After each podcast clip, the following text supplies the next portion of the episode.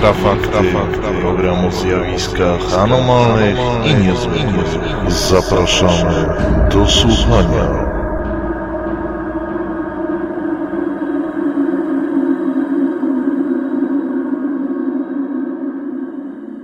Witam w Infrafaktach, mówi Michał Kuśnierz, razem ze mną jest Piotr Cielebiaś. Witaj Piotrze. Witam. Jest 4 sierpnia 2013 roku, a dzisiaj powiemy o trzech niezwykle interesujących sprawach. Parę słów o tym, co znaleziono w toniach Zatoki Perskiej, pewnym dziwnym stworze. Powiemy też parę słów o najnowszym filmie, który można obejrzeć w polskich kinach, horrorze Obecność, który opiera się na faktach oraz o książce, która już niebawem ujrzy swoje światło dzienne. Książce Arkadiusza Miazgi, naszego kolegi Podkarpacia. Piotrze, ostatnio dotarły do nas wieści, że e, żołnierze irańscy w wodach Zatoki Perskiej odkryli mm, pewne dryfujące ciało, które no, jest po pierwsze monstrualne, ogromne, a po drugie nie przypomina żadnego żywego zwierzęcia. Tak na pierwszy rzut oka to nawet y, można powiedzieć, że przypomina ogromnego krokodyla, ale jest strasznie zdeformowane i w zasadzie trudno określić, cóż to może być y, za zwierzę. Pierwsze reakcje, jakie pojawiły się w, w sieci, mówią o tym, że jest to po prostu ciało zdechłego wieloryba. Co możemy powiedzieć o tym znalezisku irańskich żołnierzy? Mówimy o tym dlatego, że na pierwszy rzut oka ten dziwnie wyglądający stwór no, nasuwa skojarzenia z jakimś wymarłym pragadem. To coś wygląda po prostu jak jakiś zdechły plezjozaur albo coś pokrewnego. Przypomina to również historię tak zwanej padliny Zuiomaru z roku 1977, kiedy japoński kuter wyciągnął z wody coś, co wyglądało rzeczywiście jak yy, wymarły morski gad. Tamta padlina miała długą szyję, miała takie bardzo charakterystyczne przednie płetwy. Wiele osób myślało, że jest to dowód na to, że e, dinozaury, e, a przynajmniej niektóre, były w stanie przeżyć w głębiach oceanów i to one odpowiadają za spotkanie z tak zwanymi potworami morskimi. Jak jest w przypadku tych zwłok z Zatoki Perskiej? No trudno powiedzieć, dlatego że zdjęcia, które są pokazane, prezentują y, to, to ciało w wodzie. Ja pamiętam jeszcze jeden taki przypadek. Zdjęcia e, tego, tej istoty były nawet w nieznanym świecie. E, niestety mm, nie pamiętam już, kiedy to coś znaleziono, ale ten przypadek był y, równie tajemniczy, bo tam z kolei, w tym przypadku, o którym pisał Nieznany Świat, znaleziono istotę, która miała na grzbiecie tak jakby mm, wystające kolce. Ale powróćmy do sprawy z Iranu. Mm, wydaje mi się, że będzie duży problem z ustaleniem, do kogo tak naprawdę należą te zwłoki. Problem sprawia to, że stopień rozkładu tego zwierzęcia jest e, bardzo daleko posunięty. Niektórzy mogą pamiętać przypadki, kiedy podobne ciała zostały mm, e, wyrzucane na brzeg. Kryptozoologia nazywa takie, taką zgniłą, niezidentyfikowaną padlinę zwierząt morskich, kojarzoną czasem z jakimiś kryptydami, potworami morskimi, mm, globsterami. Ów e, zdeformowany twór pływający w, w Zatoce Perskiej e, również jest globsterem, tylko takim, który pływa w morzu. Najczęściej e, są to oczywiście wieloryby lub e, duże ryby, takie jak długoszpar, E, lub inne gatunki rekinów. Mm, no i prawdopodobnie, jak, jak powiedziałem, e, nigdy chyba nie dowiemy się, czym było to zwierzę, kiedy żyło. Tak, zdjęcia tego e, zwierzęcia, czy też e, stwora, istoty można obejrzeć na, na naszym forum. E, ja się natknąłem na taką opinię mm, doktora Garego Griggsa e, z Uniwersytetu w Kalifornii, który stwierdził z całą pewnością, że jest to e, ciało e, właśnie walenia, znaczy jego zwłoki. Ale oczywiście, tak jak podkreśla dr Griggs, stan tych zwłok jest bardzo trudny mm, do określenia z punktu widzenia tego, jaki to jest właśnie gatunek. Tymczasem na ekranach polskich kin pojawił się film Obecność. oryginalny tytuł to Conjuring. Opowiada on historię, która wydarzyła się naprawdę. Dotyczy rodziny Peronów, e, która nabyła dom na farmie w Harrisville e, i tam zaczęły się dziać dziwne rzeczy, typowe właśnie dla nawiedzeń, czyli pojawiały się dziwne głosy w e, tym domu, przesuwały się przedmioty i tym podobne. Przerażona rodzina Peronów musiała wytrzymać z tym kilka lat i w końcu się z tego domu wyprowadziła, a film właśnie opowiada tę historię. Ty Piotrze, z tego co wiem, byłeś na tym filmie. Jakie są twoje wrażenia? Oprócz tego, że widziałem ten film, to jeszcze mm, napisałem artykuł dla Strefy Tajemnic poświęcony prawdziwym wydarzeniom, jakie miały miejsce w domu w Harrisville. No, moje wrażenia są, mówiąc szczerze, troszkę inne niż większości widzów, którzy się tak tym filmem podniecają. Według mnie on był po prostu słaby, nie miał żadnego klimatu. Przede wszystkim nie miał klimatu. Była taka nawalanka mm, typowo amerykańska, tam brakowało tylko w pewnym momencie, nie wiem, żeby się pojawiła Godzilla i ich zjadła wszystkich, albo żeby spadł na nich taki wielki odważnik zrzucony przez ducha. No ale nieważne. W każdym bądź razie film sam w sobie był bardzo luźno oparty o te wydarzenia. Tak naprawdę obecność opowiada historię peronów, ale z tej historii peronów e, zaczerpnięte zostały chyba tylko e, imiona i nazwiska. Działo się to wszystko e, w roku 70. Właściwie zaczęło się w roku 70, kiedy mm, Caroline Peron dla swojej licznej rodziny mm, nabyła dom w Harrisville to był XVII-wieczny mm, parterowy dom z poddaszami, taki dość długi. Na filmie jest on pokazany jako dom piętrowy i dużo większy, naprawdę tak nie było. Jej mąż, biznesmen Roger, zgodził się na zakup tego domu. Wkrótce mm, na początku 1971 roku oni się tam wyprowadzili i już pierwszego dnia te córki zauważyły, że ktoś stoi w rogu. Dokładnie ta sprawa wyglądała tak, że tam w tym domu pakował się jeszcze poprzedni właściciel. Mm, no i kiedy te dziewczynki przechodziły, zobaczyły, że stoi tam on i jego syn, ale stoi ktoś jeszcze, osoba, której nie znały. Kiedy zapytały się E, matki, kto to, ta im powiedziała, że przecież tam nikogo nie ma, nie ma tam tej trzeciej osoby. Był to pierwszy mm, znak, że w tym domu dzieją się dziwne rzeczy i to stopniowo się intensyfikowało. Dochodziło do mm, e, no, dantejskich scen, ale nie aż tak przerażających, jak zostało to pokazane w filmie, gdzie duch po prostu rzuca dziećmi za włosy, strzela z pistoletu.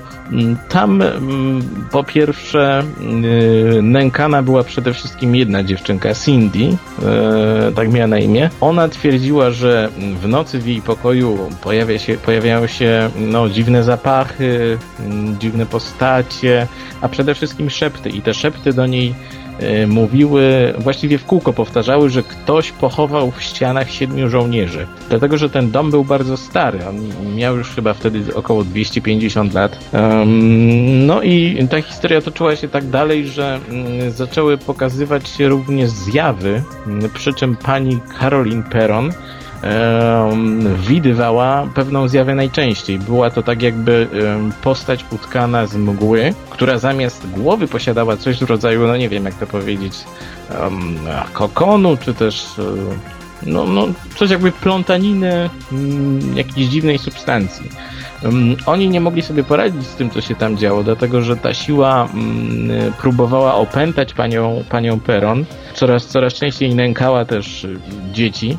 Mm, okazało się, że ktoś z ich znajomych, bowiem Peronowie rozważali oczywiście wyprowadzkę z tego domu, tylko problem był taki, że już nie mieli pieniędzy, e, żeby się stamtąd wyprowadzić. Mm, ktoś z ich znajomych przekazał tą sprawę małżeństwu Warrenów. To byli tacy słynni demonolodzy, inni nazywamy ich badaczami zjawisk paranormalnych. Natomiast Warrenowie w tym filmie zostali pokazani w bardzo dobrym świetle. Tak naprawdę historia ich działalności jest e, dużo, dużo bardziej, mm, powiedziałbym, kontrowersyjna i to w takim złym znaczeniu. Warrenowie oskarżani byli o mm, zbytnią indoktrynację religijną tych wszystkich przypadków, którymi się zajmowali, jako że oni po prostu wierzyli, że mają do czynienia z demonami i to wszystko odbywało się w, takim, w takiej bardzo katolickiej, bym powiedział, otoczce. E, wielu ludzi im zarzucało to, że po prostu napędzają niektóre historie po to, żeby móc następnie je mm, sprzedawać. I, niestety chyba tak było, bo słynna historia z Amityville, gdzie jej bohaterowie po latach przyznali się, że właściwie no, oni sobie to wymyślili, według Warrenów była prawdziwa i oni stali na tym stanowisku właściwie do końca. W filmie mm, e, Obecność widzimy również, jak Warrenowie wypędzają owego ducha z domu Peronów, e, a w rzeczywistości tak nie było. Oni się zjawili, odprawili tam jakieś swoje rytuały, ale po pewnym czasie w tej prawdziwej historii doszło do jeszcze większej eskalacji przemocy tych niefizycznych bytów e, w, w domu w Harrisville i nawet doszło do takiej sytuacji, że pan Peron wygnał po prostu z domu e, owych demonologów.